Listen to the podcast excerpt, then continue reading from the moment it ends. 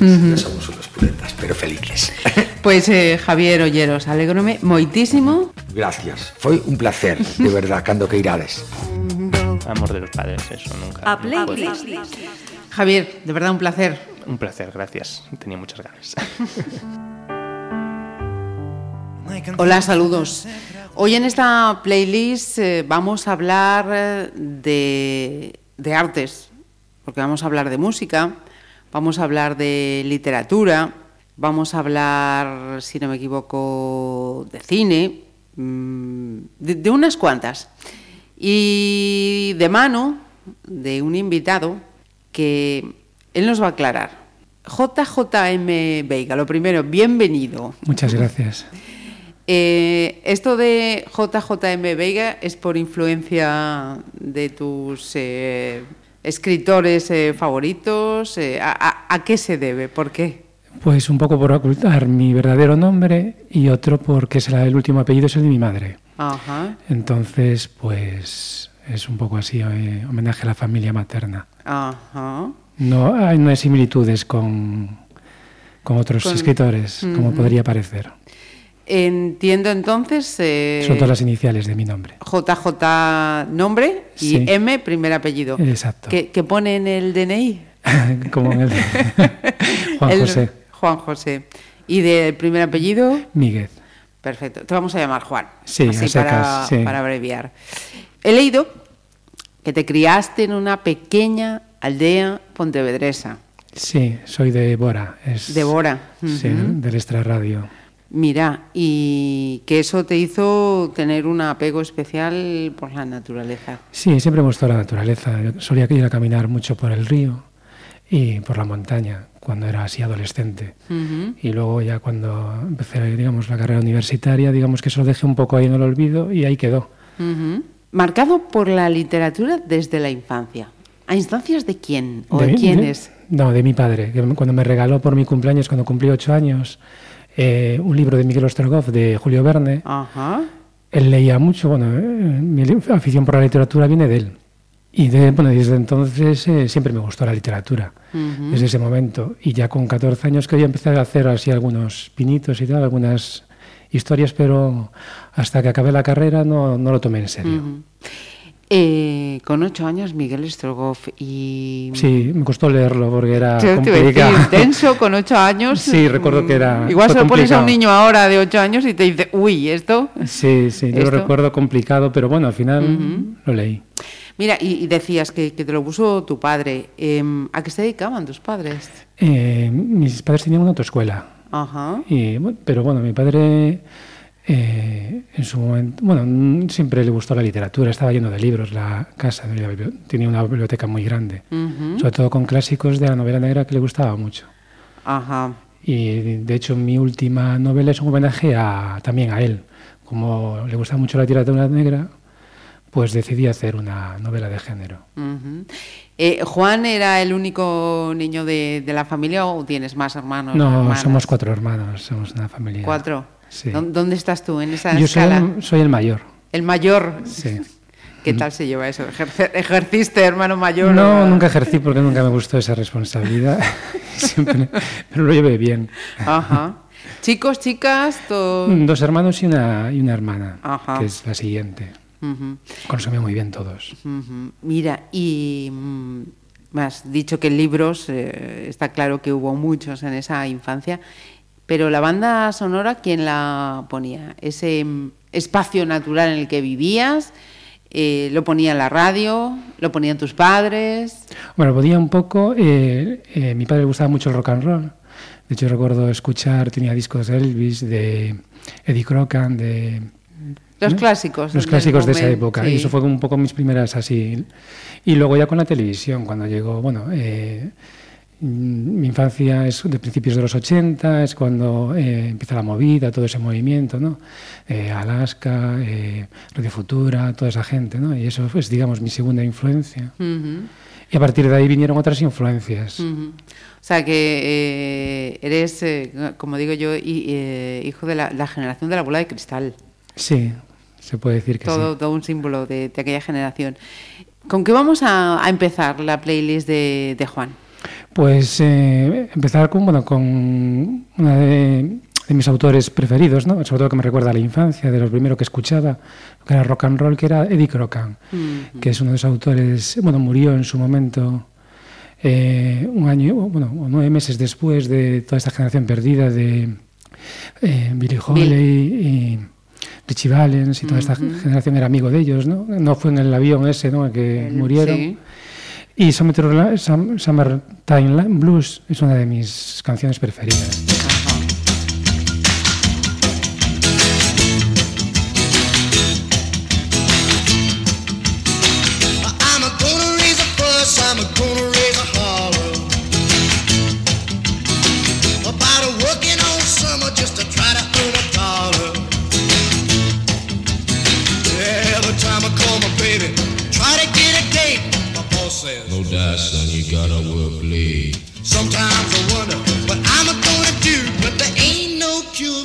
Summertime blues.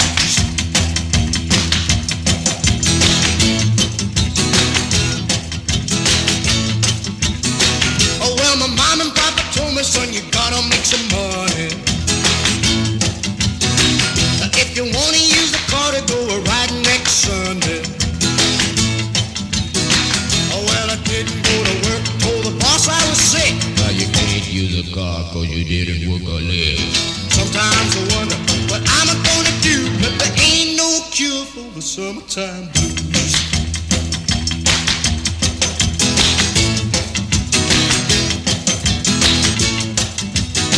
I'm gonna take two weeks, gonna have a fun vacation.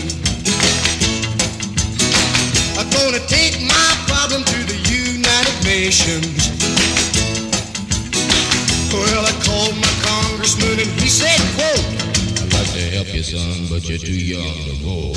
Sometimes I wonder what I'm gonna do, but there ain't no cure for the summertime.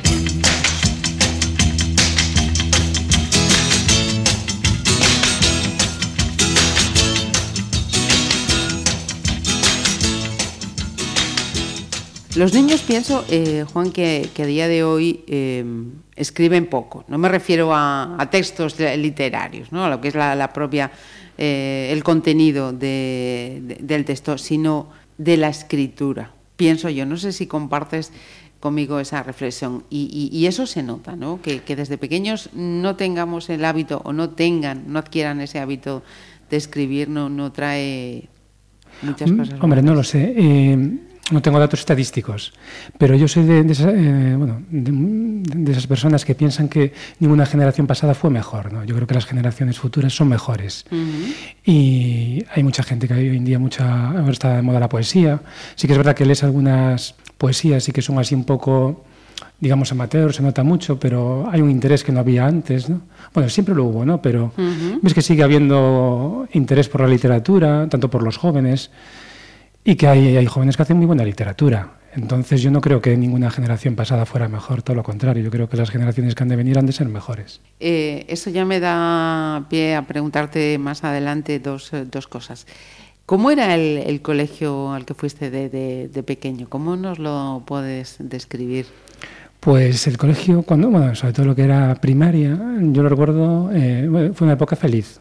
Me lo pasé muy bien con y también recuerdo, porque, bueno, no sé, supongo que porque me gustaba leer, porque algunos profesores que me tienen regalado algún libro. Uh -huh. sí, y recuerdo sobre todo un libro de fábulas, ¿no? De, de, que me había regalado una profesora en tercero de primaria. Uh -huh. Fíjate, tenía apuntado aquí. ¿Recuerdas especialmente a un profesor o profesora que te marcara? Quizás sería... Sí, es una de, de las profesoras que más recuerdo, sobre todo por, porque, bueno, igual percibió cierto interés en mí en la literatura, pero uh -huh. que, que, yo en ese momento no, no percibí. No eras todavía consciente. consciente. ¿Era un cole pequeñito, una escuela unitaria? ¿Cómo, cómo sí, era? era un cole pequeñito, el cole de Bora, que ya, ya cerró hace muchos años. Uh -huh. Y de aquellas aún éramos bastantes niños, recuerdo que aún había bastante gente, pero era un colegio muy pequeñito. ¿Conservas todavía aquellos compis de, del cole o el tiempo hace que cada uno lleve su camino eh, y el contacto se pierde? De esa época sí conservo uno que es uno de los mejores, mis mejores amigos, pero no íbamos a ese cole juntos, nos conocíamos de... coincidíamos en la iglesia, aunque yo no soy religioso, uh -huh. pero aquí íbamos todos. Había que ir, había sí, que ir sí. Y lo conocí ahí, iba a otro colegio, pero también uh -huh. es de Bora. Ajá. Estabas en Bora. Mm, ¿Te gustaba venir aquí a la ciudad o, o preferías seguir en... En aquellos momentos no se bajaba mucho a la ciudad, así que no tengo un Por recuerdo eso, de eso. bajar a la ciudad hasta ya ser adolescente. De aquella solo recuerdo los años allí en, en la aldea. Jugar mucho. Sí, mucho- jugar, sí, jugar, le- leer a escondidas también un poco. Porque, Leer a escondidas. Sí, porque leer era para estudiar, no para leer por disfrute. No me gustaba estudiar nada, nunca me gustó estudiar. Y si leía era por, por disfrute y nunca me gustaba leer lo que... Fíjate, no me gustaba estudiar y, y- y, sin embargo los libros son un estudio, a mi modo de entender. Sí, sí. Tremendísimo. Tremendísimo, sí. Lo que pasa que no, em, eh, mi forma de entender, ¿no? Eh, el mundo no cuadraba mucho con la educación, bueno, de aquel momento, ¿no? Incluso Mm. hoy en día, ¿no? Bueno, hoy en día creo que se educa mejor a los niños, que se busca un poco más empatizar con ellos Mm. y ver que, aunque supongo no es igual en todos los colegios, pero Eh, vamos con, con, con otro tema de esa, de esa selección. Por cierto, em, an- antes de ir con ese tema, de, de jugar mucho, lógicamente, esos espacios abiertos, se convivía, se compartía. Eh, ¿a, a qué jugabas? Eh, ¿a qué jugábamos? Hombre, eh, yo recuerdo, bueno, jugábamos a todo, eh, a- bueno, con el trompo, las canicas, todo eso. Y aún recuerdo jugar a- con algo- las consolas de aquel momento. las primerísimas. Las primeras consolas, sí. Luego ya también me gustaba el cine mucho, ya, ya siendo pequeñito. Ajá. Eh, De hecho, mm, eh, este amigo que las primeras conversaciones que teníamos era sobre cine con, un- con ocho años, así que imagínate. Ujú, Y mucho con el entorno que tenían, no tenían esas inquietudes. Entonces era como un bicho un poco raro. ¿Recuerdas la, la, la primera película?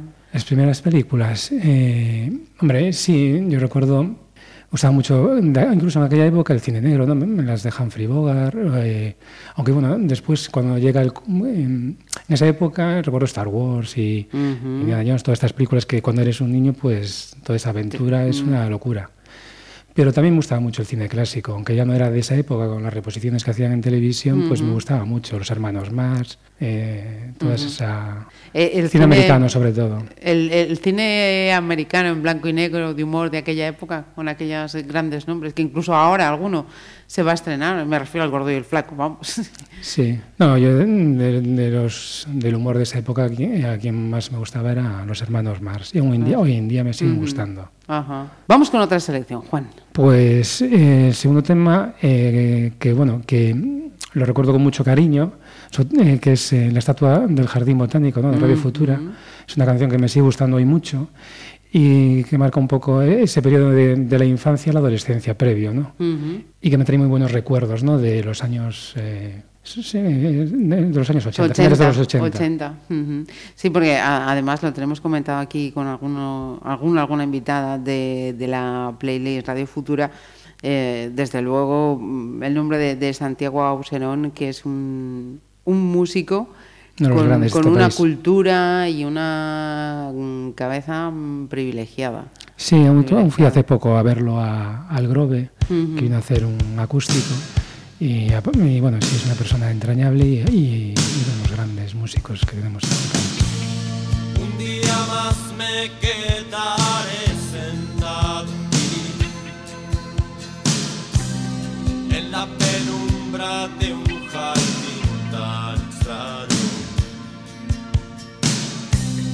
Cae la tarde y me olvide otra vez.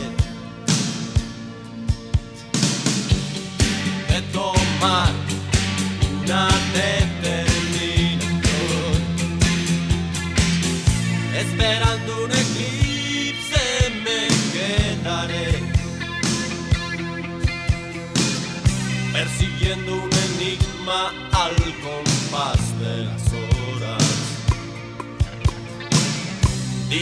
dibujando una elipse me quedaré entre el sol y mi corazón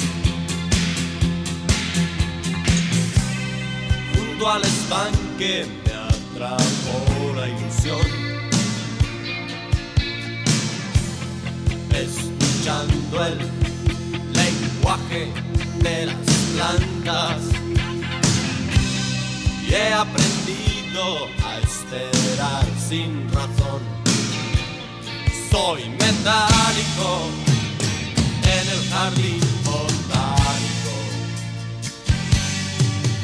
Con mi pensamiento sigo el movimiento de los peces en el agua. Un día más me quedaré sentado aquí en la penumbra de un jardín. Cae la tarde y me olvide otra vez de tomar una determinación. Esperando un eclipse me quedaré. Percibiendo un enigma al compás de las horas. Dibujando una elipse me quedaré. Entre el sol y mi corazón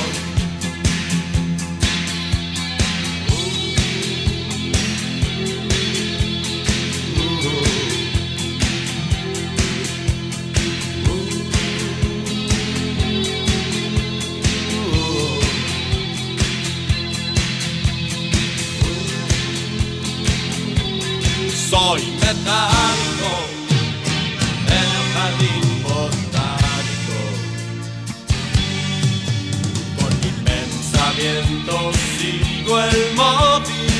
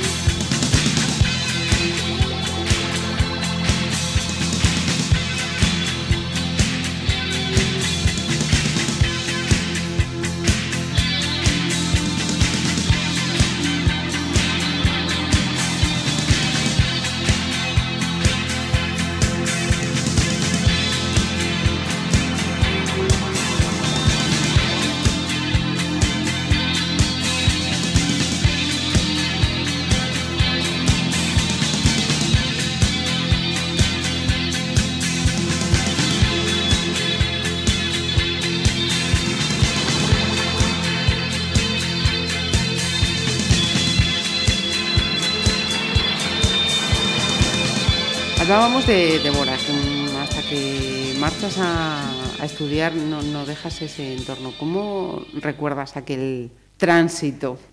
Pues eh, ese tránsito de la infancia a la adolescencia, bueno, sobre todo, eso lo recuerdo bastante bien, pero ya luego la adolescencia cuando empieza, o incluso un poquito antes, eh, no tengo apenas recuerdos, porque yo sufrí como fueron siete años de acoso escolar, desde lo que era eh, sexto de GB Sí. Hasta tercero de bachiller. Ujú. Y todos esos recuerdos de esos seis, siete años, a incluso COU, son, son muy vagos. ¿sabes? Eh, odiaba ir al colegio y solo era feliz en casa. Ujú. En- por eso tengo muy buen recuerdo entrañable de lo que es... Mecanismo quizá de, de, de autodefensa, sí, sí, sí. nuestro- O sea, es un, un periodo así un poco oscuro. Eh, Fíjate que, que no, no todo el mundo habla así abiertamente Bueno, porque a día de hoy. De decir, Bueno, porque lo tenemos pues, superado, ¿no? Y, y yo creo que es bueno hablar de ello, que se Sí. sepa que antes lo había, no se llamaba así. ujú. Sí que me costó superarlo hasta los años, hasta los pasados bastantes años, no, no lo superé. Ujú. Y, y un poco me refugié en la música y en la literatura, que fue lo que me ayudó, sobre todo, y, la, y, y la creación literaria. Eh, Y la poesía también. Cuéntame, eh, esos primeros autores de, de ese tránsito en la adolescencia en los que absorbes, vives, te refugias, ¿cuáles fueron? Hombre, eh, sobre todo eh, me refugio mucho en autores como Poe, que son así muy oscuros, Sí. eh, Lovecraft, luego después uno para mí de los grandes olvidados que es Hobson, que para mí es uno de los grandes de la literatura de terror, es, es contemporáneo a Poe, es, es- ahora no me acuerdo, pero es de, la- es de- es no sé si es inglés, escocés, bueno, no, es de la, es europeo. Eh, ese terror ¿no? Eh, marino ¿no? que, que hacía él, muy moderno para la época, Sí. que bueno, que es uno de los grandes olvidados. Sí, no, desde luego, comparado con Alan Poe, sí, sí, sí. Con 16 años eh, he visto, intentaste eh, escribir la primera novela que, que llegaste a terminar, está terminada a día de hoy o quedó allí en algún cajón. Eh, no, quedó en un cajón, olvidada y ya no sé ni dónde está. ¿Te recuerdas de, de qué iba, qué querías escribir en aquel momento? Quería hacer una, una, una especie de historia surrealista que no tenía mucho sentido, creo. Y supongo que era un ejercicio de, de estilo, de buscar un poco el estilo, que al final aún me costó muchos años encontrar. Ajá. Eh, también eh, intentaste, o he, he visto que quedaron también en el cajón eh, relatos y, y una segunda novela. Sí, sí, también. También quedaron ahí. Bueno, fue parte del proceso creativo, ¿no? Y de encontrarse uno a sí mismo. Yo escribía simplemente porque me gustaba y necesitaba. Era una válvula de, De escape, ¿no? De escape y salida. de salida. Al final eh, era, bueno, a ver, estás siempre retocándolo, nunca estás contento con, porque al fin y al cabo estás formándote. Entonces, hasta que realmente encuentras el camino y, y no lo tienes claro, pues Y, y- y esos textos, perdona Juan, eh, siguen en el cajón, a veces abres, relees. eh, o- algunos son los conservo. Sí, lo releo y sí, da un poco de, de pena. Bueno, es, es parte de, de, de- Del- de uno sí, mismo, sí, sí, ¿no? sí, es parte si, de si uno no mismo. existiera esa parte, quizás no llegaríamos a donde estamos hoy. no, no, está claro. De, hecho, lo conservo.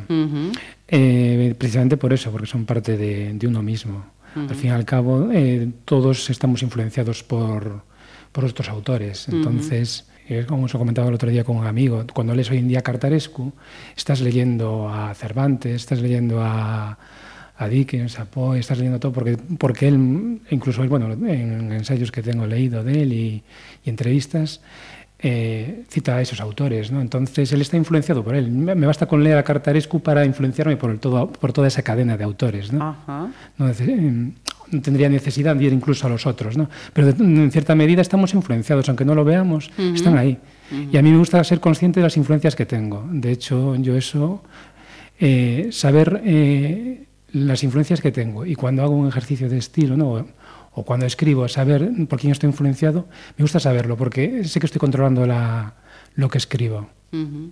¿Has tenido el, el- el sentimiento o la necesidad?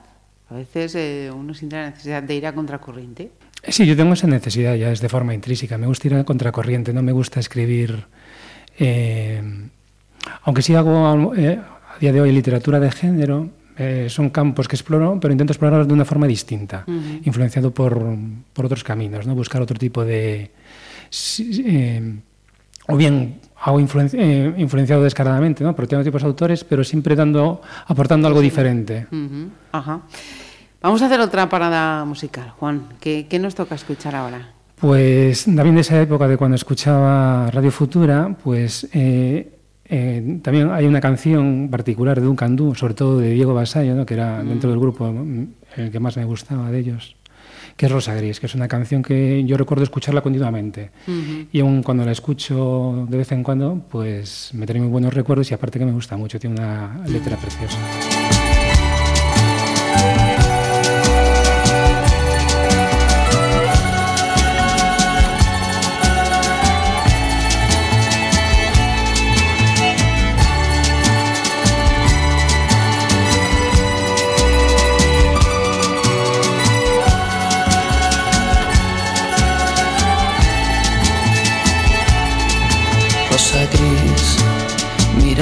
Dulce y labios de cristal, y la piel que no toqué, blanca como su intención, sin saber las reglas de la calle del amor.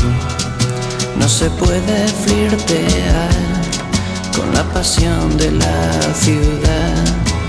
La vida y la ilusión se van como el viejo tren que no volvió por la calle del amor. Se van donde sin pensar se venderán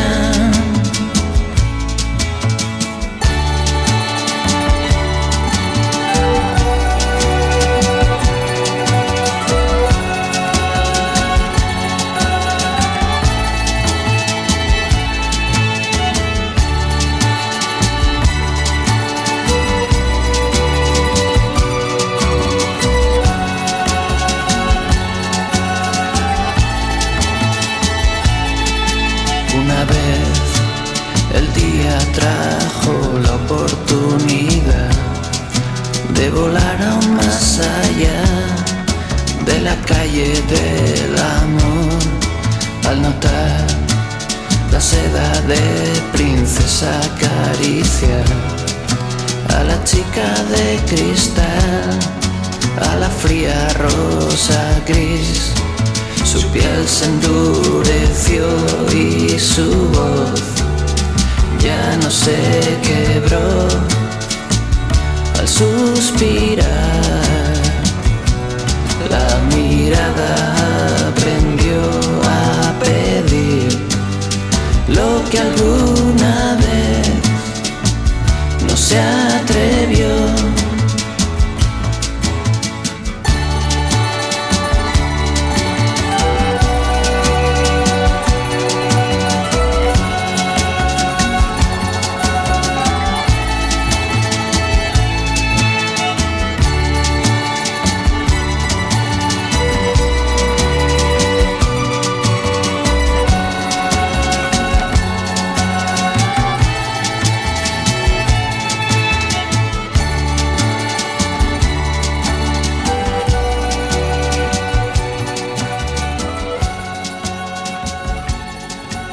¿Eras de comprar mucha música?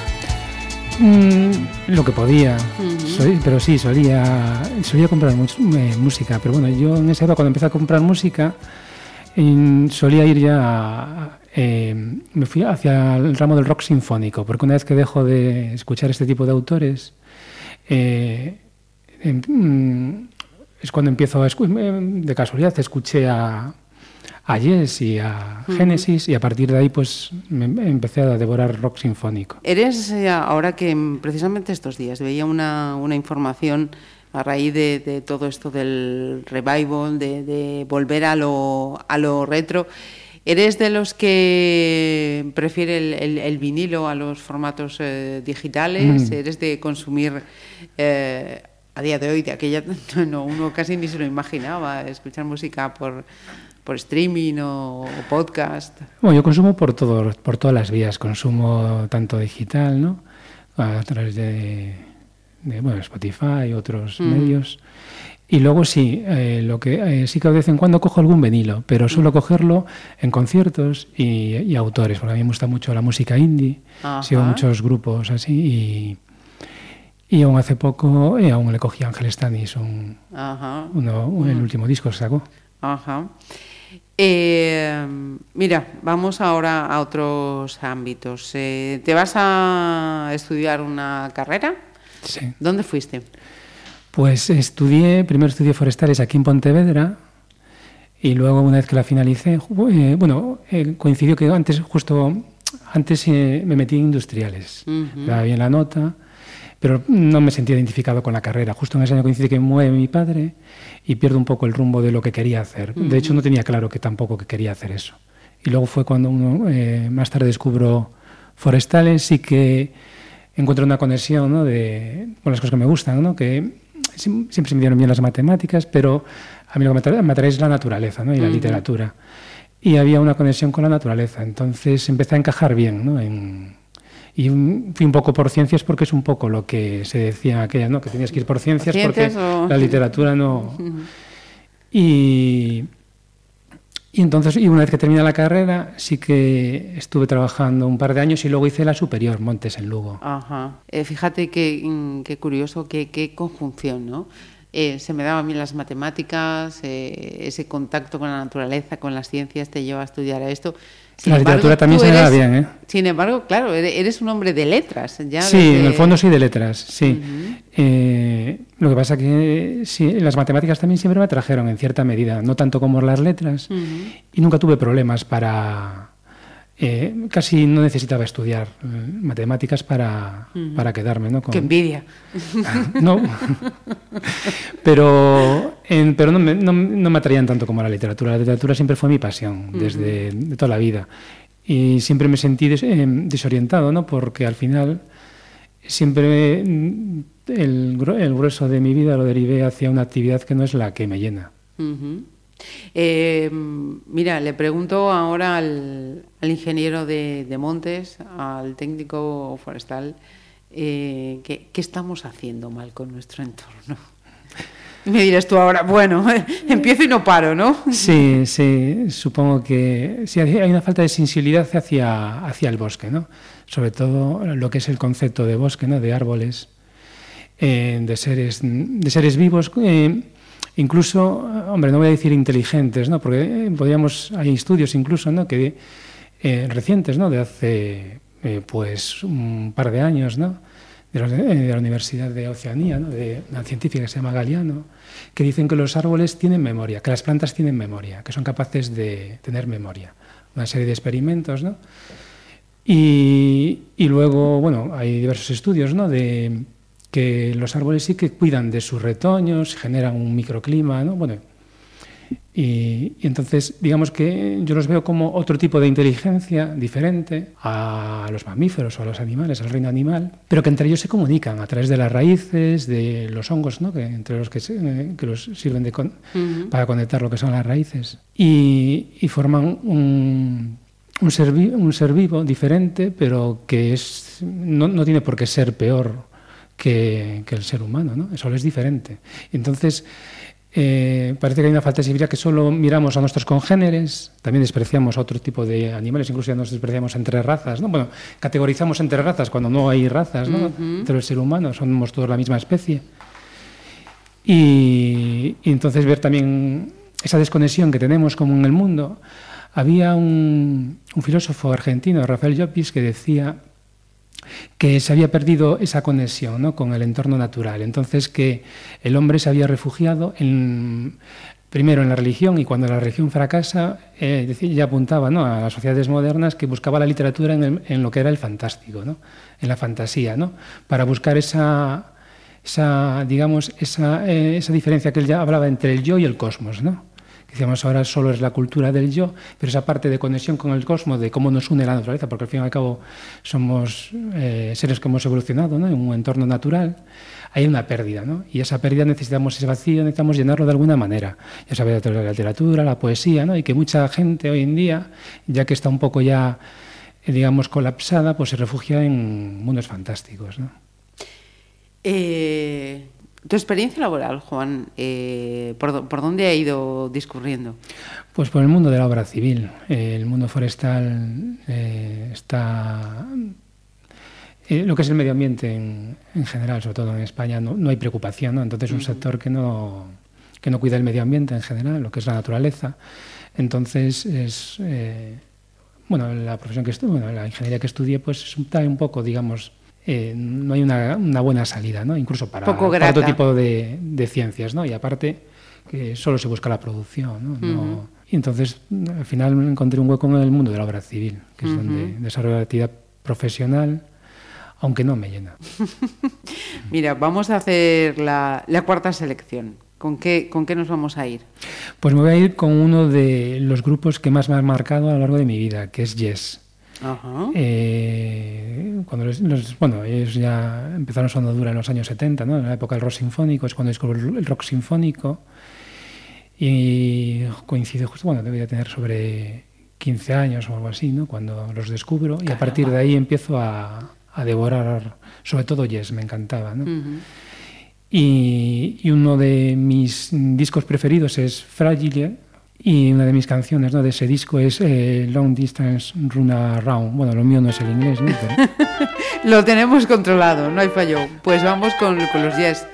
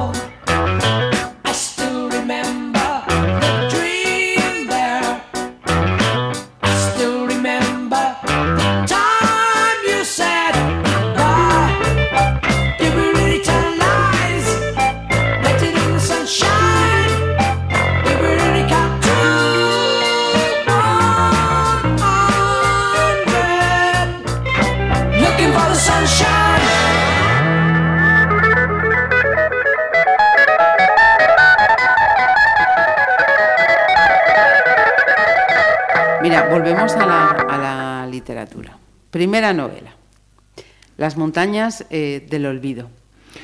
¿Cuánto tiempo te lleva escribirla? ¿De qué nos eh, hablas? ¿Y, y qué, de- qué te ha, ha dado esa primera novela? Bueno, es una novela, digamos, para mí iniciática, ¿no? En- de, de encontrar un poco mi camino ¿no? en la literatura. Es una novela de ciencia ficción, pero en la que hay de fondo es una, es una crítica social y sobre todo eh, al daño ¿no? que hacemos al medio ambiente. Ujú. Y sobre todo es un ejercicio ¿no? de, de estilo, de encontrar un poco eh, un estilo narrativo. Me doy cuenta que al final, que aún cuando la termino, ¿no? aún no encuentré mi voz. Eh, es una novela de la que estoy contento.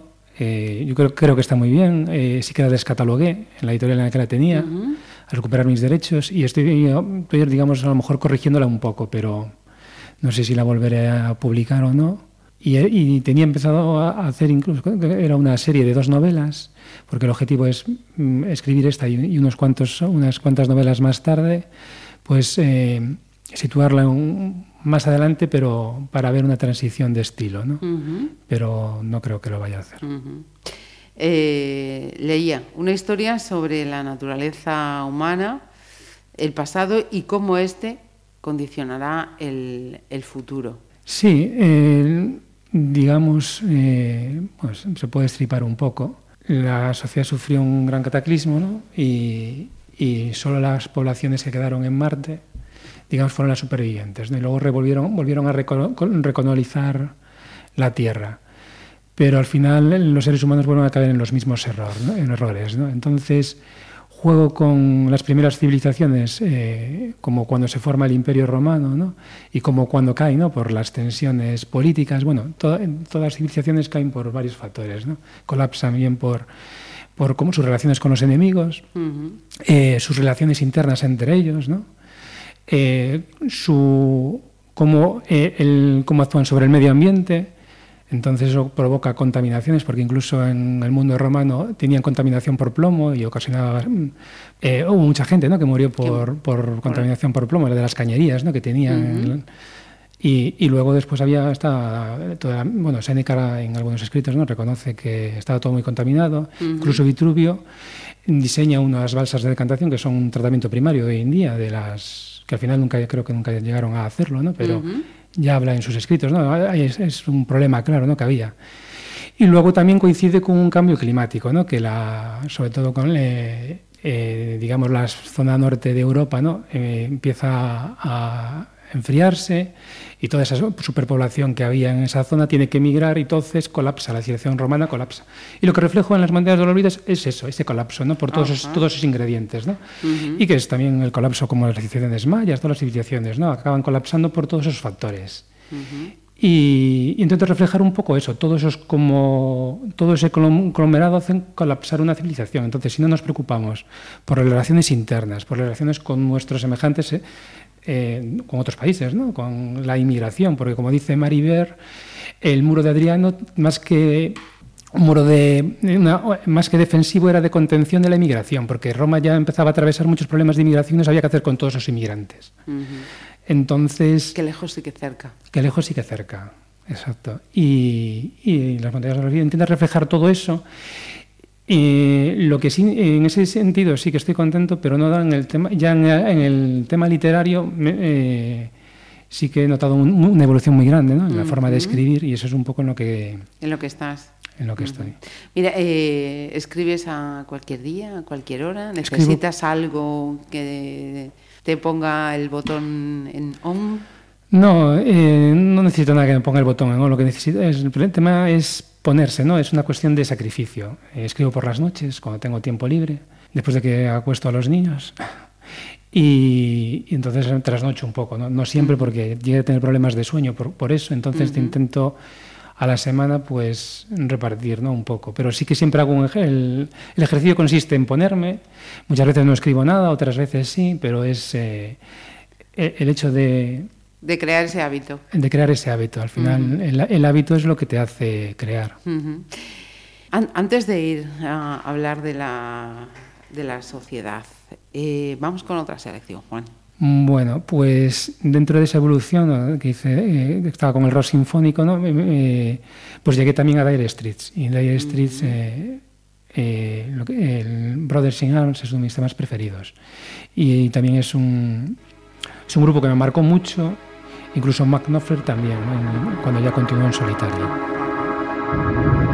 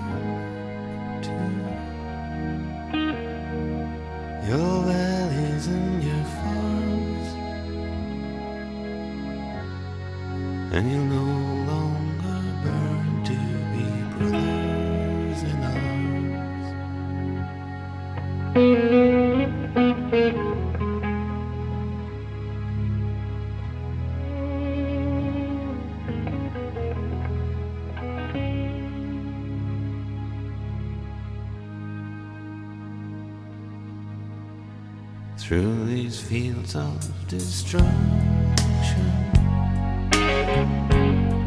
baptisms of fire. I've witnessed your suffering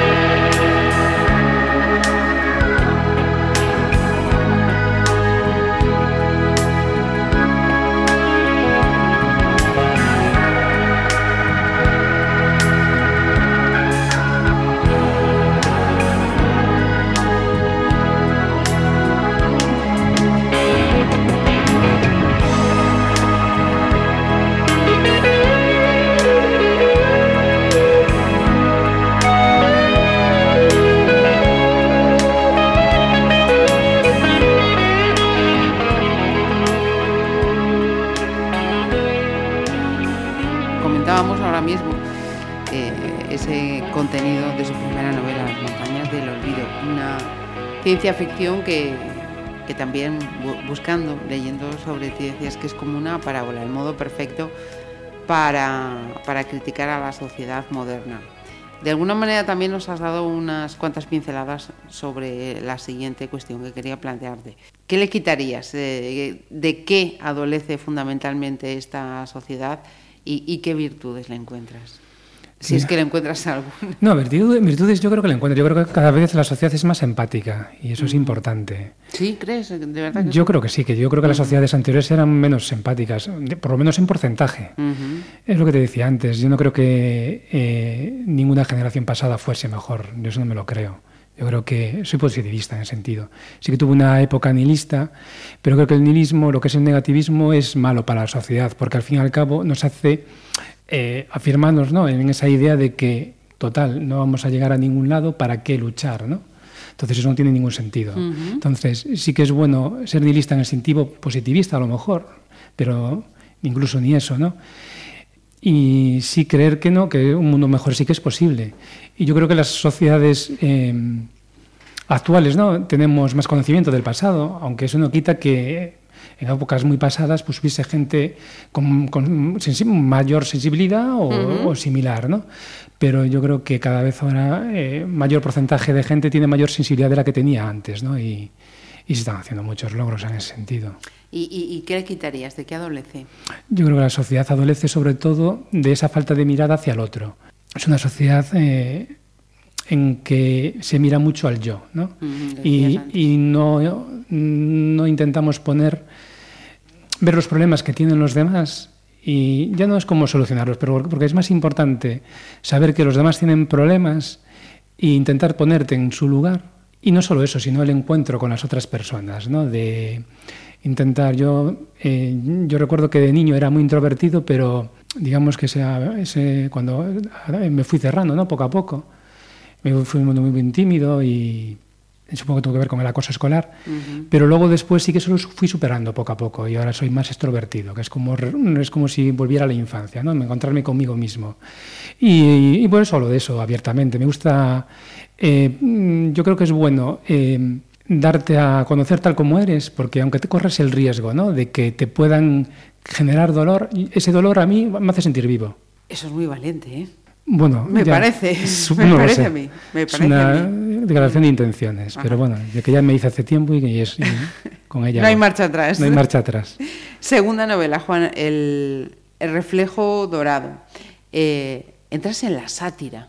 Sí, entró en la sátira a través de a- Aku- Akugawa, de eso es un escritor eh, de contemporáneo a Lovecraft, ¿no? Por, por ubicarlo temporalmente, japonés, que hace una sátira que es Kappa, ¿no? Que es de son unos seres mitológicos eh, japoneses. Eh, bueno, tiene otras novelas, me la- yo me leí toda su obra, ¿no? En su momento.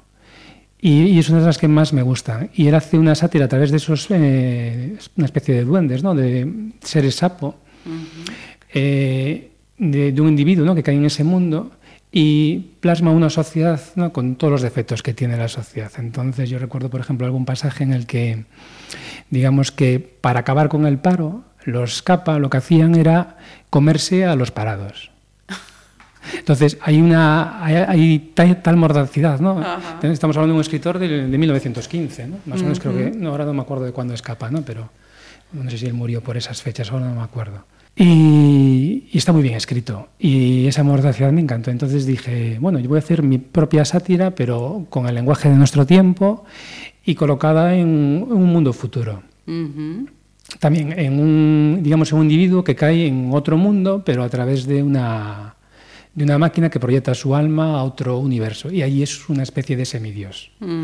Entonces, lo pongo en contraste con ese mundo y entonces hago algo parecido. Eh, hablabas antes de... Siempre de voy a los ese- clásicos ese para- para- Perdón, sí, sí, sí, sí. Sí, no, que en el fondo lo que hago es eh, irme a los clásicos, a la literatura que me gusta Ajá. y darle una tuerca de vuelta, ¿sabes? Una vuelta, de, perdón, una vuelta Una de tuerca. vuelta de tuerca. Para y, y siempre bueno sí que esa novela eh, coincide con la tercera porque las escribo a- en- la tercera iba a ser la segunda Entonces, eh, un eh, empiezo a escribir, me encuentro que no tengo los recursos necesarios para... Entonces empiezo, siempre hago eso, escribo relatos, buscando recursos, nuevas formas de expresarme y todo eso. Y en ese intermedio, pues me surge la idea de hacer eh, el reflejo dorado, ¿no? Y encuentro, digamos, con las herramientas, ¿no? Aún así escribo unos primeros capítulos, pero aún, eh, vuelvo a escribir relatos y tal. Eh, los relatos siempre los tengo ahí en el cajón. Sí. Son como herramientas, ¿no? Para buscar lo que quiero. Ajá. Y al final cuando encuentro ya la forma en que, en que quiero contar la historia es como, pero siempre bebo, bebo de, De esas fuentes. de esas fuentes. Tenía aquí anotada otra, otra cuestión, pero nos la has respondido eh, perfectamente, ¿no? De cómo ese, ese niño que era extrovertido, por unas circunstancias se retrae y luego haces ese ejercicio de, de volver a, a salir fuera. Eh, con lo cual, eh, a día de hoy eres una persona que mm, se siente cómodo, a gusto, rodeado de, de mucha gente, o, o prefieres mm, poquitos pero elegidos. Eh, no, yo me siento cómodo con cualquiera. Lo único que sí que me produce cierto temor son las multitudes, cuando hay mucha gente. Eh, y aparte que no me gusta ser nada el centro de atención, ¿no? pero me gusta pasar desapercibido. Pero mm, no, no me importa quién esté al otro lado. De hecho, cuando, si eh, tanto alguien que, con el que estás habitualmente eh, hablas todos los días o incluso alguien que desconoces siempre te aporta algo. Eh, Sin duda, sin duda. Vamos ya a la sexta selección. Bueno, pues la sexta se- selección es ya de ese periodo, ¿no? Antes de, ah, digamos, de ya cuando no, abordo otro tipo de géneros, siguiendo con, con lo que era el rock sinfónico y también el, el rock en general, hay un grupo que siempre me, que me marcó mucho también en la adolescencia fue Status Quo, durante Ajá. esa época. Y hay un tema que me gusta especialmente que es eh, Warning Shot.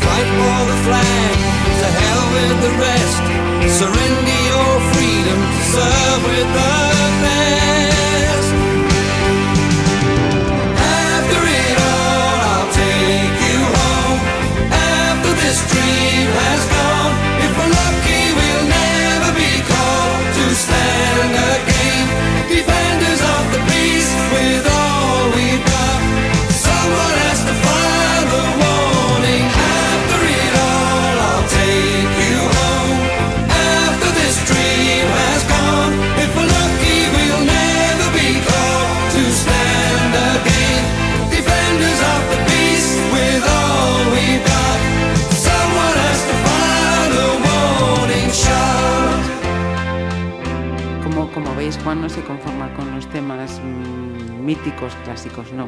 Va, va a las particularidades. Es que yo siempre voy, supongo que de...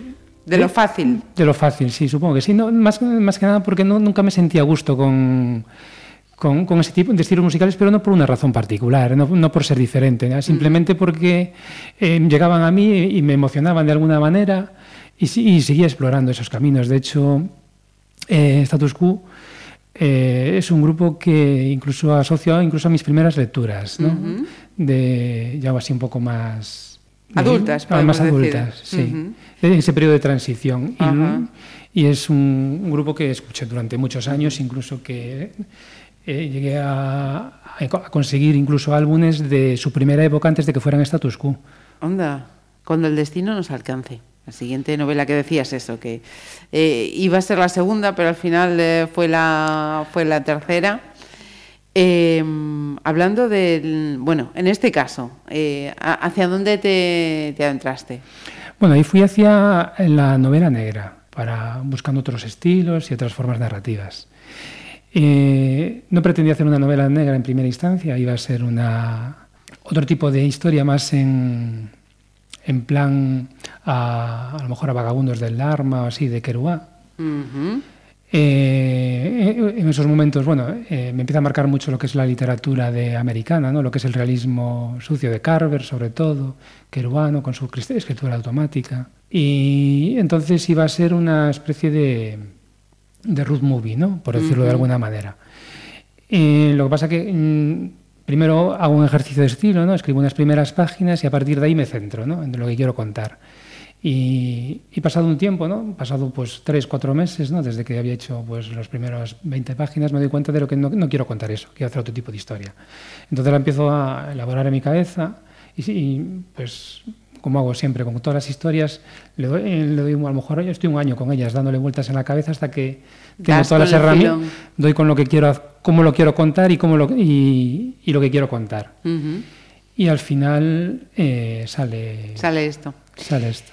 Y hablando de destino, ¿eres de los que piensan que el el destino se va buscando, se va trabajando o, o ya está escrito?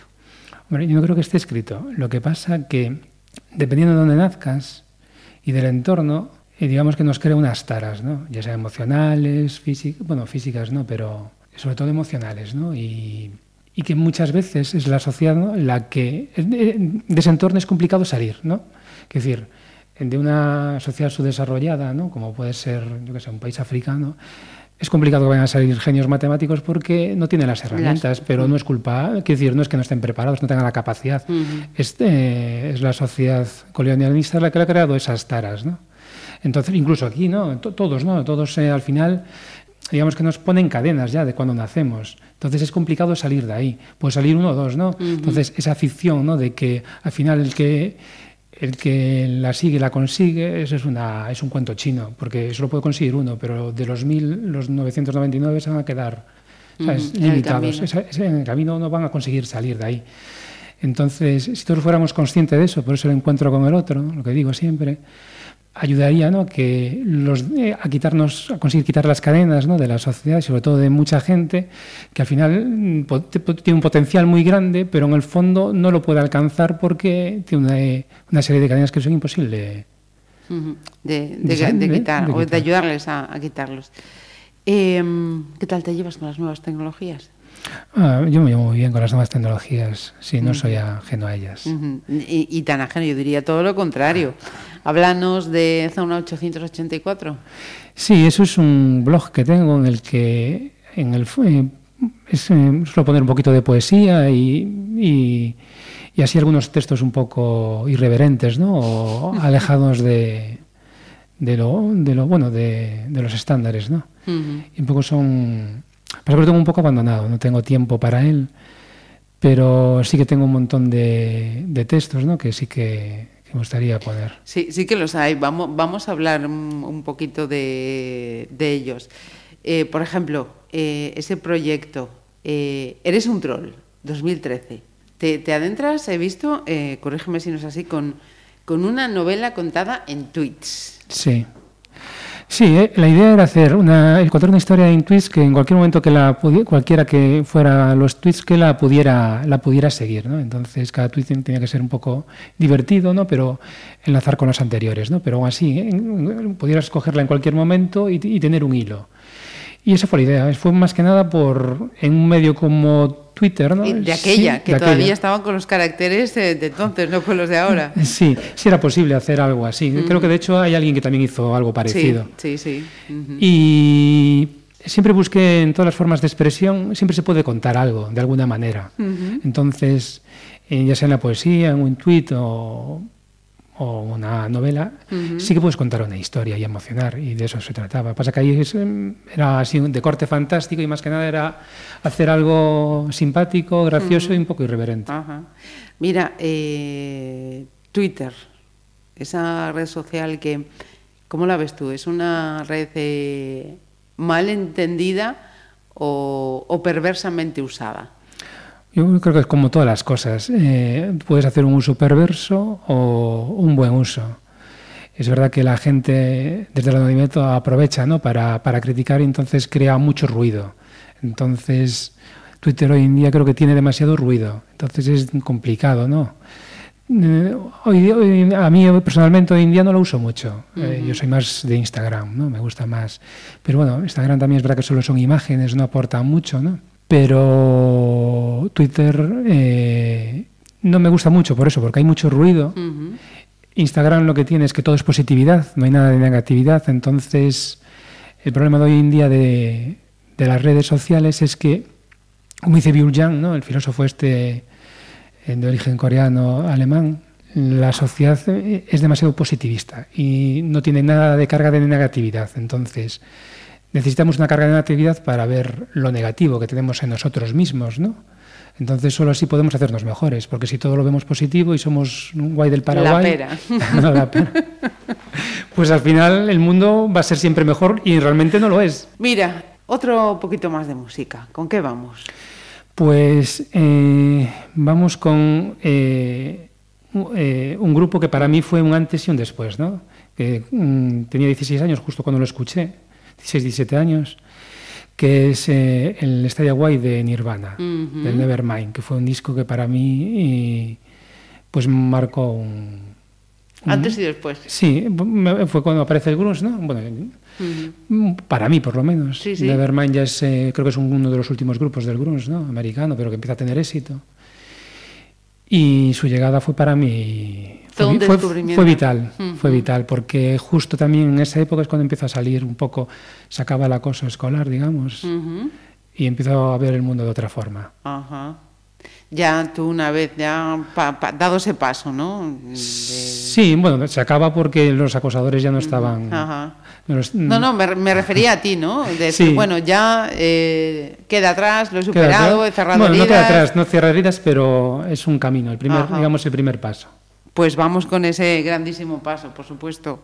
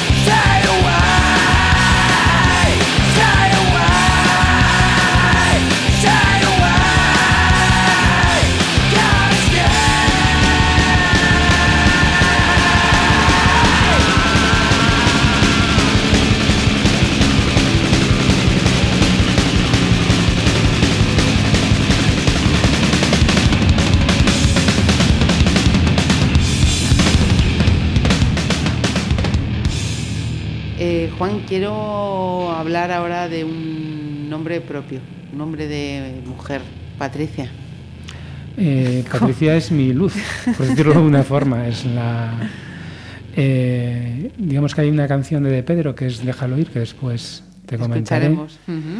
Eh, que él escribió, creo que era pues, sobre ese homenaje, creo que hace, no estoy seguro, porque ya no recuerdo, muchas veces tengo muy mala memoria para todo.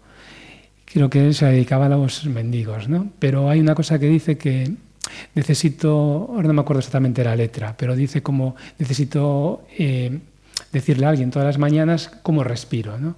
Y es esa persona, ¿no? A la que le puedo decir cómo respiro. Y para mí es muy importante, tanto en mi vida es esencial. Te puedo preguntar cómo conoces a Patricia. A Patricia la conozco en una fiesta en la playa. Qué bueno. Qué bueno, sí. Y luego, a partir de ahí, pues empieza una relación de muchos años. ¿Cómo ves el, el periodismo? Eh, Como el periodismo, es una profesión, yo creo que es esencial, ¿no? porque es lo que le da un poco de carga crítica a la sociedad, porque al fin y al cabo todos somos políticos, ¿no? De hecho, el que lo niegue, ¿no? Una parte de una sociedad como la, es- la española, ¿no? Que pa- parece que tienes que formar parte de una idea política de por vida, ¿no? Que no te puedes separar de ella. Y el hecho de que incluso gente del espectáculo, ¿no? Esté en una, en en una tenga una visión distinta, eh, ya provoca rechazo. Ujú. Eso es que eh, la política forma parte ¿no? del, del individuo. Y yo creo que el periodismo es esencial sobre todo para, para, para contrastar. ¿no? Y, y hoy en día con todo este ruido aún es más esencial que antes. El problema es que hoy parece que cualquiera puede ejercer de periodista. Eh, sois padres. Sí. Eh, ¿Cómo se llaman esas criaturas? Pues la mayor es Aricia y el pequeño Nuno. Alicia y Nuno. Aricia con R. Ah, Aricia. Ay, Sí. la primera vez que escucho este nombre. ¿De dónde viene? Pues es un origen de eh, es de origen griego. Ah, Se utiliza mucho en la zona, bueno, por la zona de Escandinavia, con doble A, al principio. Pero bueno, nosotros utilizamos la versión griega y creo que, no sé si antiguamente creo que ya había aquí en España algún, algún uso, pero bueno. ujú. Pues mira, la primera vez que escucho ese nombre. Me gusta, me gusta. Em, esta circunstancia, el convertirte en, padre, eh, ¿ha hecho que, que aumenten los miedos de Juan?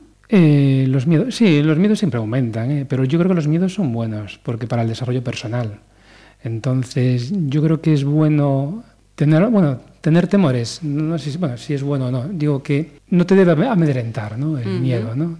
Tienes que tenerle respeto, pero a- al entorno, pero no tenerle miedo. Entonces, miedo a lo mejor, por eso, miedo al miedo no le tengo. No es. ¿Y, y qué te han enseñado Aricia y Nuno? Pues eh, muchas cosas y más. eh, mira, y no muy lejos, el otro día me dejó una nota, Aricia, de que leyera un libro, un cuento, ¿no? Y que había leído, ¿no? Que lo habíamos regalado. Y, y lo leí y me gustó mucho. Y entonces ya me hizo una recomendación literaria Qué grande. que, que ya me empujó, ya me empujó, bueno, que ya me había prometido que algún día haría un cuento Ajá. también para infantil. Ujú. Mira, me- mentora literaria, ¿ya? Sí, sí, es, es- es que también a los niños hay que escucharlos, porque si los escuchas siempre te aportan cosas. Sin duda, sin duda. He leído también que tienes eh, es- escrito, no sé si, si dicho, que tienes una deuda eh, con el cómic y con el cine clásico. Del cine clásico nos has hablado antes, pero esto del cómic, ¿de, de dónde, de dónde viene? Bueno, también viene de la adolescencia, ¿no? De, sí, también, al- a- igual que en literatura, también he leído mucho cómic, ¿no? Lo que, tanto cómic europeo como americano, y que se suele identificar con el mundo de los superhéroes, ¿no? Pero el cómic es, y sobre todo hoy en día, incluso hay mucha más eh, variedad, ¿no? Y, y riqueza, ¿no? Ahora hay gran- también hay muy buenos autores y se hacen muy buenos cómics. Sí que últimamente estoy un poco desconectado, ¿no? Del mundo del cómic, pero siempre me gustó. ¿Qué, qué nos recomendarías de- del cómic? Para aquellos que digan, bueno, venga, ¿por dónde empiezo? Es complicado. Hay tantas recomendaciones. Si vamos a clásicos, pues Blueberry, ¿no? que dentro de lo que es el cómic europeo, es una de las grandes obras ma- maestras de del cómic universal. Hay una obra también de- dentro del cómic americano de superhéroes que recomendaría que es Bora Game, ¿no? Eh, es de Daredevil. Ajá. Y luego también, eh, bueno, el Bill Eisner, ¿no? cualquier obra de Bill Eisner, Contrato con Dios. eh, hay una obra que es un poco autodidacta de él, cómo empieza como dibujante ¿no? del mundo, del mundo del cómic, de Will Eisner, que también está, ahora no recuerdo el título, pero casi toda la obra de él es, es. Qué ignorante me siento, Juan. Y bueno, no sé, es que ahora, no, ahora me coges así como fuera de juego, porque sí que últimamente lo tengo un poco abandonado. Ahora hay un autor que me gusta mucho, que es Frederick Peters, que es un, es un autor, creo que es francés, y que tiene. Hay una obra que es Píldoras Azules, que es sobre el SIDA, que, está, que es una obra llena de sensibilidad, que me gustó muchísimo. Tiene otra obra de ciencia ficción muy buena que es Lupus. Bueno, casi todo lo que hace es muy bueno. Eh, hablaba del cómic, ya hablaba del cine clásico. Si en este caso te pido recomendaciones, nos vamos a los hermanos Marx, que ya nos has dicho hace unos, hace unos minutos, o incluimos más cosas. Pues, mm, hombre, no sé. Dentro del. Yo es que yo era muy fan de toda la obra de Howard Hawks, ¿no? En su Ajá. momento. Y, y luego de Orson Welles también. Eh, hay una obra que me gusta mucho de Orson Welles que es Sed de, Sed de Mal. Sed de Mal es una parte eh, sobre eso, sobre la vileza ¿no? del ser humano. Es una de mis películas preferidas Ujú, Sí, sí. de todos los tiempos. Creo que son, de, efectivamente, quizás son clásicos por eso, ¿no? Porque pasa el, el tiempo y siguen estando tan vigentes como, como el momento en el que, en el que se hicieron. Sí, yo creo que desde los autores, digo, Orson Welles que mejor sacó partido de Charlton Heston interpreta- a nivel interpretativo. Vamos a hacer otra, otra parada musical. Venga, ¿con qué nos toca esta octava selección? Pues, eh, pues me, me voy a ir a Marilyn Mason, a, si no me equivoco, Mm. su tercer disco, que es eh, eh, Antecristo Superstar, y The Beautiful People. Ajá. Eh, Marilyn Mason fue uno de los autores, de lo- es uno de los Artistas. que más me han influido a nivel emocional. Ajá. Eh, tengo toda su obra. Sí, sí. Tengo sobre todo ese periodo, eh, ese primer periodo hasta que llega Animals, que ya que sa- son que saca tres discos que no me gustan mucho y luego después sí, hasta el día de hoy que me encanta, ¿no? Y si sale la oportunidad que viene aquí a España me marcho. Vas, pero sí o sí. Y, y, bueno, eh, todo esa, ese paso, ¿no? De ir superando, ¿no? Todos mis miedos, ¿no? A- pues los hice a través de él. Desde luego tiene, tiene una puesta en una imagen que, que yo creo que no deja indiferente a, a nadie, ¿no? Es imposible que te deje indiferente. Sí, te dejen. Y, y bueno, yo también Nirvana me preparó un poco para, Mm, para ese para. Me, ese. me allanó el camino a Marilyn Manson. Ajá.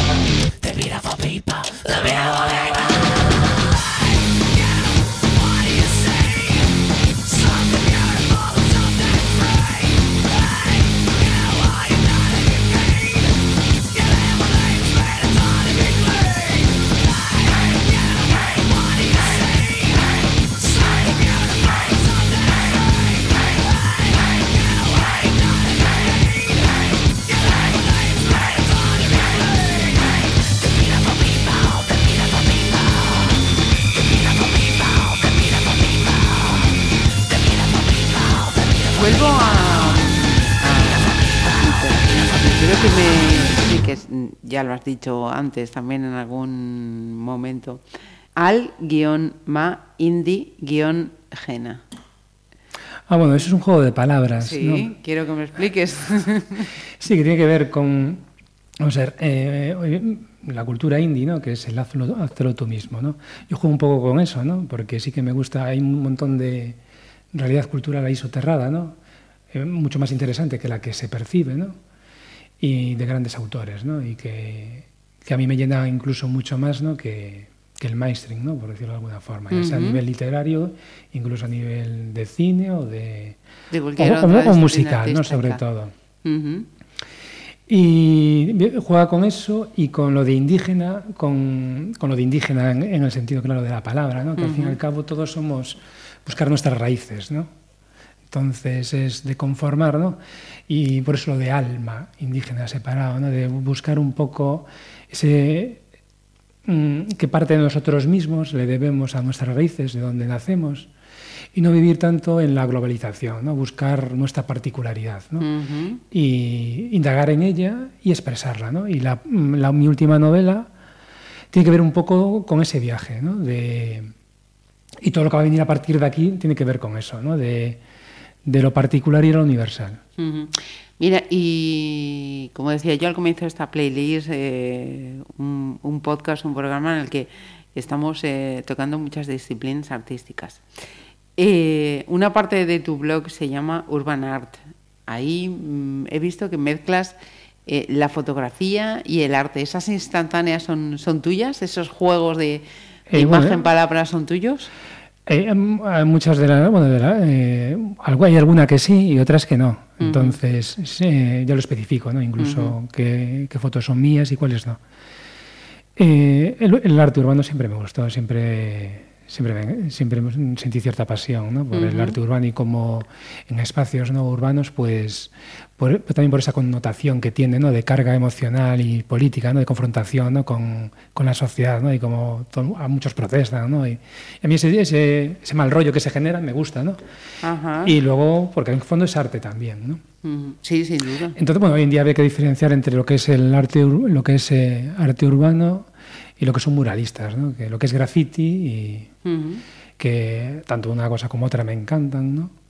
Pero bueno, son cosas diferentes. Ujú. Y sí que juego con eso, juego con, con esas imágenes y le busco un punto eh, literario, ¿no? Ujú. También siguiendo con cosas que he encontrado en ese blog, eh, muy obsesionado, tienes muchas obsesiones. Eh, sí, yo sé, un- vivo obsesionado con todo, con cada, con, con- con la cosa más in- infinitesimal, pero bueno. Sí, sí sí que soy, soy, soy bastante obse- obsesivo, sí, se podría decir que lo soy, en el fondo, pero no me, no me causa temor. ¿Y, y dónde encontrar la belleza? ¿Dónde encuentras la belleza? Encuentro la belleza. eh, eh, la belleza yo creo que está en las emociones ¿no? de cada uno y en cómo, eh, cómo los demás, sobre todo en cómo te las transmiten. ¿no? Entonces uno también intenta transmitirlas. ¿no? Hay un autor por el que siento devoción que es Yukio Mishima, es un autor japonés. Antes, sí. Eh, yo creo que es mi mayor influencia, aunque es una de las influencias que intento ocultar. Eh, quiero decir, cuando escribo no intento imitarlo. Es lo único que no intento imitar. Digamos, imitar o eh, no estar influenciado, porque es lo que tiene, eh, eh, yo creo, casi en cada palabra, ¿no? en cada página, en cada... eh, transmite sensibilidad. Es el autor por excelencia de, sen- de sensibilidad. Entonces, en cualquier objeto que describe en, el entorno, ¿no? tiene sensibilidad. Esa sen- sensibilidad, yo siempre tengo la sensación de que se la transmite también a los personajes, que también ya transmiten sensibilidad y le aportan algo nuevo ¿no? a esos personajes, y entonces eh, conforman un mundo muy particular y, y toda esa sensibilidad que transmite, ¿no? en- ya sea en imágenes, en, en emociones, pues es muy particular. ¿no? Y, y eso para mí eso es arte. Si hubieras podido vivir en, en- en otro tiempo, en otro lugar, no sé si has planteado o preguntado una vez, ¿dónde No, sería? que va, en ninguno. Cualquier tipo, no, no sé. eh, tiempo pasado no fue mejor. No fue mejor, que aparte eh, eran mucho más, mucho más machistas, eh, no sé. mucha menos sensibilidad, ¿no? Por los demás, por en general. Y, y puestos en este tiempo, pero en otro lugar, tampoco. No, yo creo que cada uno es, eh, es de su época, ¿no? Y pensar que eh, de proyectarse al futuro o al pasado mm, es un poco abstraerse de uno mismo y de encontrar su lugar, ¿no? En el mundo. Entonces, eso lo que nos puede llevar es a, a- a estar cada vez más tristes, ¿no? Por decirlo de alguna manera, ¿no? Y, y acabar pues con depresiones. Y entonces, yo creo que lo que uno tiene que luchar es por encontrarse a sí mismo. Que es difícil, ¿no? Que aparte, al fin y al cabo, es un trabajo que tienes que hacer todos los días. Es muy, muy difícil. Claro, y es complicado. y, pero bueno, es un ejercicio, es como todos los días a salir a entrenar. Pues todos los días tienes que intentar encontrarte primero a ti mismo y en, y en el entorno. y, y, bueno, yo lo encuentro en la literatura. Cuando no escribo es cuando realmente siento angustia. Se me produce una, Es como tu, tu un dolor en el, ¿no? en el pecho. Me empieza a no, pero me, me produce dolor físico. ¿Sí? Sí, sí. Sí, sí, lo, lo Los los los automatizo. sí. Vamos a ponerle música, que dicen que calma y es terapéutica. Venga. Sí, bueno, voy a poner uno de los grupos que, que actualmente ¿no? más me gustan y, y que más me aportan ah, también de forma emocional, que es Arizona Baby. Ajá. Y uno de, de mis discos preferidos, ¿no? que es The Through, The World Through and the Nothing But The Through. Sí, no, el título Es es... largo de caray, Sí, sí. sí, sí. No lo Y, pusieron y un fácil, tema ¿eh? que es If I Could. Ajá. Eh, yo recuerdo ir a un concierto ¿no? de ellos a, a Orense cuando sacaron su, eh, digamos, creo que era su segundo disco, ¿no? Tenían uno previo, ¿no? Que no llegaron a, a editar. O fue, bueno, hicieron así una edición así Muy limitada. muy limitada. Y fuera a verlos a Orense un, iban de teloneros de Chris Isaac. Ajá. Yo fui con unos amigos que iban a ver a Chris Isaac, pero yo iba a ver a los teloneros. sí, señor. Ya soy su- de sus primeros fans. Que lo sepan.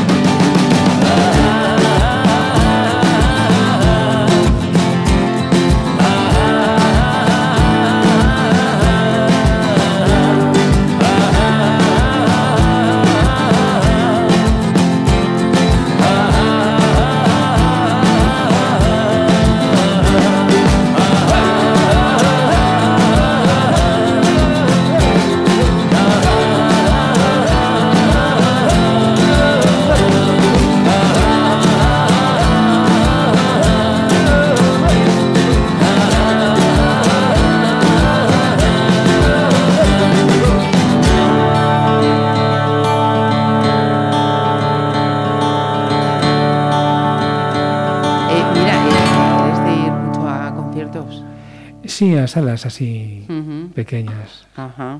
Me gusta mucho así ese eh, estar en contacto ¿no? con la música y sobre todo en entornos reducidos, no en grandes aglomeraciones. Macroconciertos no. No me gustan, ¿no? Ujú. aunque tengo ido Algún que otro. alguno que otro, pero no eh, así como un grupo eh, es más acogedor, ¿no? Estás, se, se- se vive diferente. Desde, desde luego. Y hay muy buenos músicos sin necesidad de, De ir a superestrellas, sí. Ajá. Hablabas eh, en varios momentos de esta entrevista de poesía. Mm, estoy recordando que al comienzo nos decías que mm, de nuevo entre estas eh, generaciones más jóvenes hay un, un interés de nuevo, otra vez, eh, o, o mayor, creciente, por la, por la poesía. Yo, yo quería preguntarte, mm, inicialmente, antes de comenzar esta charla y conocerte, quería preguntarte por el enfoque de la literatura en la educación actual. ¿no? Esta pregunta se la ha hecho algún que otro escritor que ha pasado por la playlist y me han dado respuestas eh, muy, muy diferentes.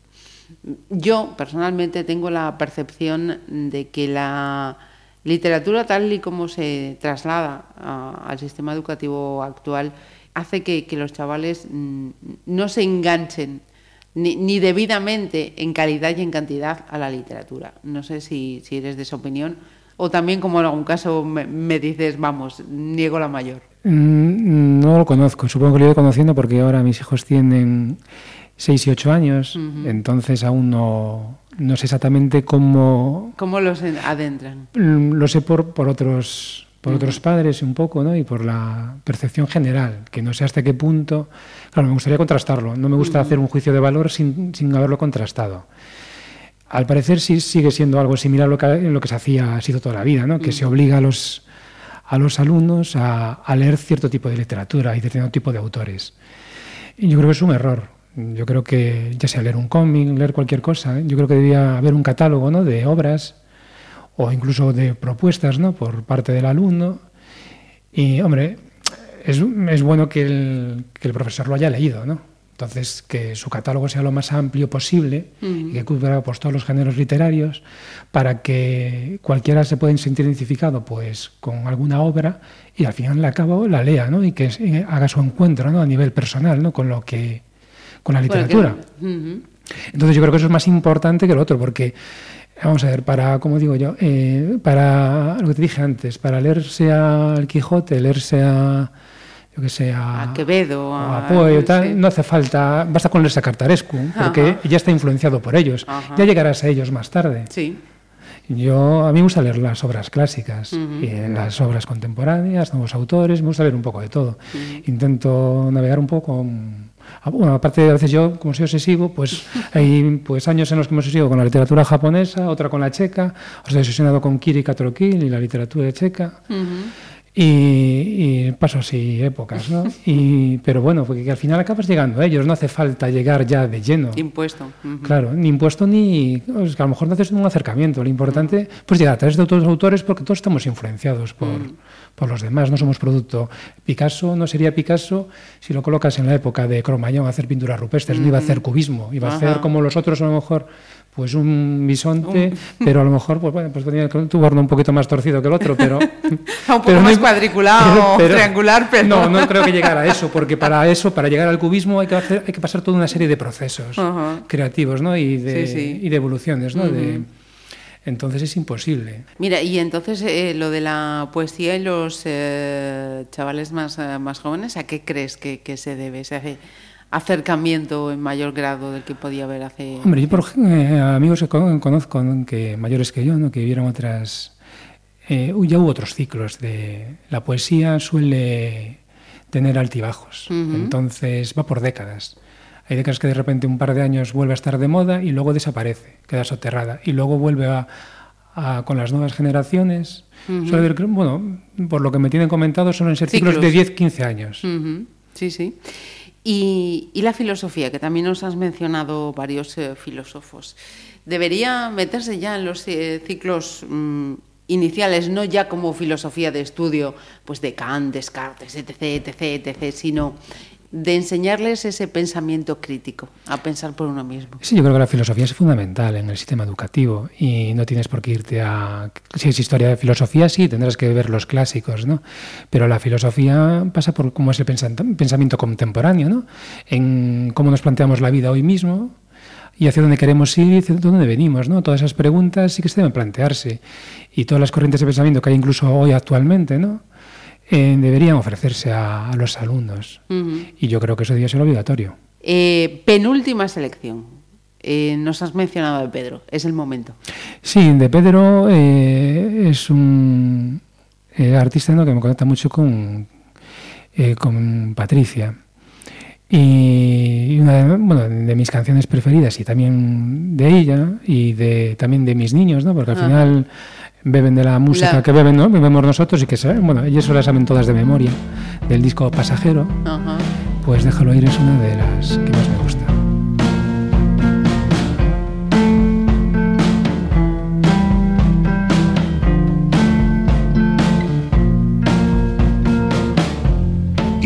inexistente ante el ambiente.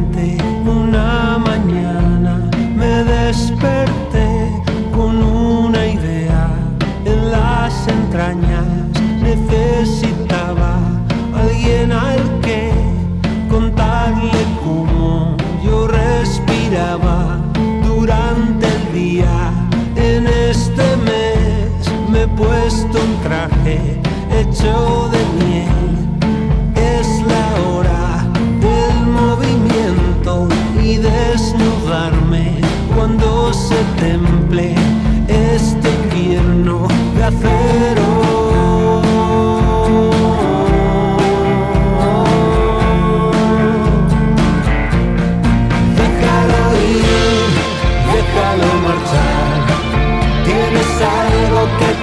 te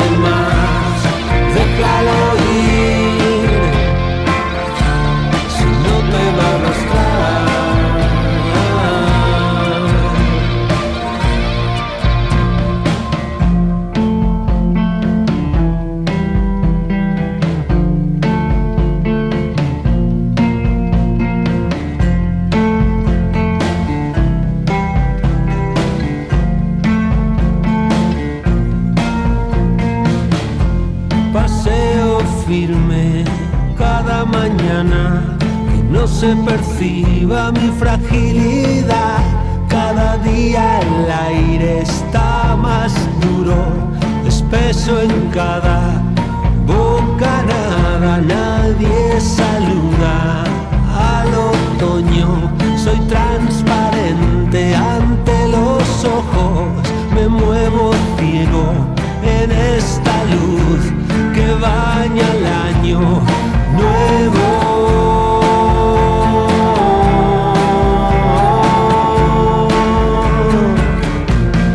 Déjalo ir, déjalo marchar. Tienes algo que te pesa de más. Déjalo ir,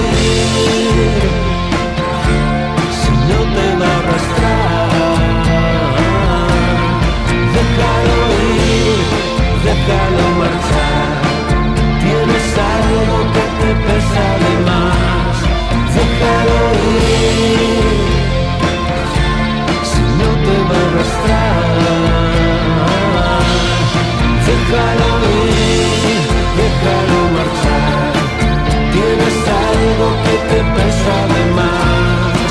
Déjalo ir, si no te va a.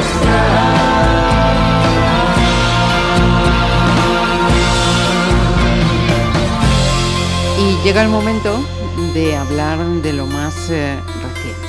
Vamos a hablar de la apatía de los, de los idiotas. Ya está escrita y has dicho, bueno, pues eh, esta vez va con una campaña de crowdfunding. Sí, porque es como trabaja la editorial en la que la tengo. Eh, sí, la plataforma es Indiegogo. Ajá. Bueno, a, a día de hoy ya está conseguido, ¿no? El- entonces ya, ¿Ya? sal- ya saldría a la venta, sí. Perfecto, cuéntanos entonces, ¿qué es lo que va a pasar a partir de ahora? Bueno, en teoría en dos, tres meses eh, se editará y ya estará disponible en las librerías. Ajá.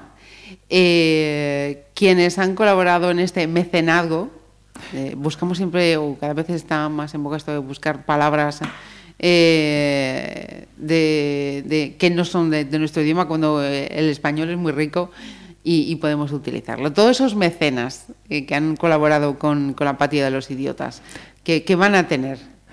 Eh, hombre, sobre todo mi agradecimiento. Porque sé que había algunas opciones ¿no? que eh, podías aparecer en los créditos, ¿no? según la aportación. Pero sobre todo a, a nivel emocional, a mí me, me ha emocionado, ¿no? Sobre todo porque a la mayoría los conozco y, y me emociona particularmente. Lógicamente, Sí, lógicamente. Eh, para ellos está escrita. Nos hablas, eh, he visto, o, o una sinopsis que, que he visto por ahí, eh, aparece un cuerpo ensangrentado en, en un hotel de Portolara, pueblo marinero, donde la mayoría de los habitantes eh, guardarían relación con el, con el narcotráfico, ¿no? Eh, esto no suena muy, muy lejano. No, está, está en el orden del día. Bueno, sobre todo lo que pretendía con, con la apatía de los idiotas era alejarme un poco de lo que es el género negro clásico, ¿no? Que es lo que hice con la anterior novela, y, y hacer una nueva exploración, ¿no? ir un poco más allá. ¿no? Entonces, eh, jugar eh, con el realismo mágico a nivel emocional, en lo que es la historia, ¿no? en todo lo que rodea a la historia, y relacionarlo, eh, digamos que esa, esa visualización ¿no? Eh, mágica, que tiene Galicia con lo que es la realidad del narcotráfico y todo el daño que hace. Y en la apatía ¿no? que del ser humano. En general, ¿no? que tendemos a mirar hacia otro lado mm, pensando que el problema es de los demás, que no es nuestro. Y si nosotros podemos vivir felices, pues ya está, ¿no? Que no importa cómo vivan los demás. Entonces, eh, por eso aparece un cuerpo ensangrentado y en cierta medida todo, digamos, el pueblo está involucrado, ya sea solo, aunque sea solo simplemente por mirar a otro lado. Por eso que el misterio está en saber si realmente lo han asesinado, si es un suicidio o lo qué es lo que es. ¿no? Entonces ah, es un viaje a través de las mentes de todas las personas que rodeaban un poco su vida. Y después de la apatía de los idiotas ya sabemos que va a venir. Eh, sí, pero bueno, lo tengo ahí En otro de los cajones. en otro de los cajones. Sí, estoy escribiendo alguna cosilla ahora, pero no tengo claro. Siempre ando con, tengo ahí dos ideas, con dos historias y no sé cuál de las dos verá la luz primero. En cualquier caso, eh, Bueno, tengo otra ya terminada, Sí. que está pendiente ahí de a ver si sale editada en otra editorial. ajá, de momento el título también lo reservamos. Mm, Sí, lo reservamos. Eh, iba a decir que en, en cualquier caso eh, el, el- el futuro más inmediato, a corto plazo, a largo plazo, de, de Juan Veiga pasa por escribir sí o sí. Sí, pasa por escribir sí o sí, porque es, mi, es lo que me alimenta emocionalmente, aparte de mis hijos y Patricia. Ajá. Pues eh, Juan, eh, de verdad ha sido una, una charla en la que voy a tener que tomar nota de muchos nombres para ponerme la- las pilas, porque esto ya años luz de tu universo literario, tu universo interior, que es, que es muy, muy rico eh, culturalmente, de verdad. Eh, he aprendido unas cuantas cosas con esta charla, lo cual eh, te agradezco. Y, ¿Y con qué vamos a cerrar? Pues voy a cerrar con uno de mis grupos preferidos, que vinieron hace como cuatro años aquí a la sala Son, a Cangas, Ujú. un grupo americano, de folk americano, de lo que es country punk, que es uno de mis estilos preferidos hoy en día, y eso Run, que es uno de sus últimos temas. Y es un grupo que escucho prácticamente un día sí, un día no. Ajá, pues ves, para Sin exagerar. Con otro descubrimiento. Un in placer. his oval room, in his rocking chair. He's the president, but I don't care. He's a businessman. He got business ties. He got dollar signs in both his eyes. Got a big airplane. Take him everywhere. Got his limousine when he get there. Everywhere he go, makes the people mad, makes the poor man beg and the rich man glad. He's the president, but I don't care. Oh,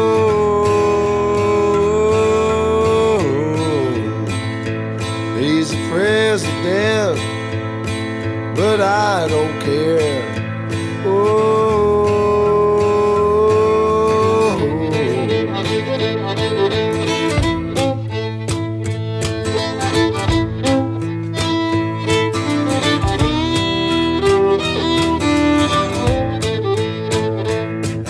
factory, never been so slow.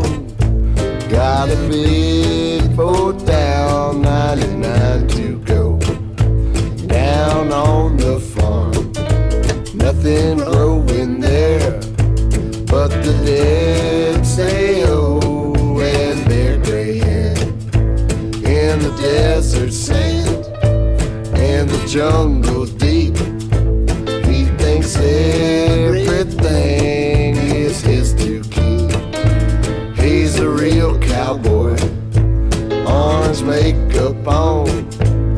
talks to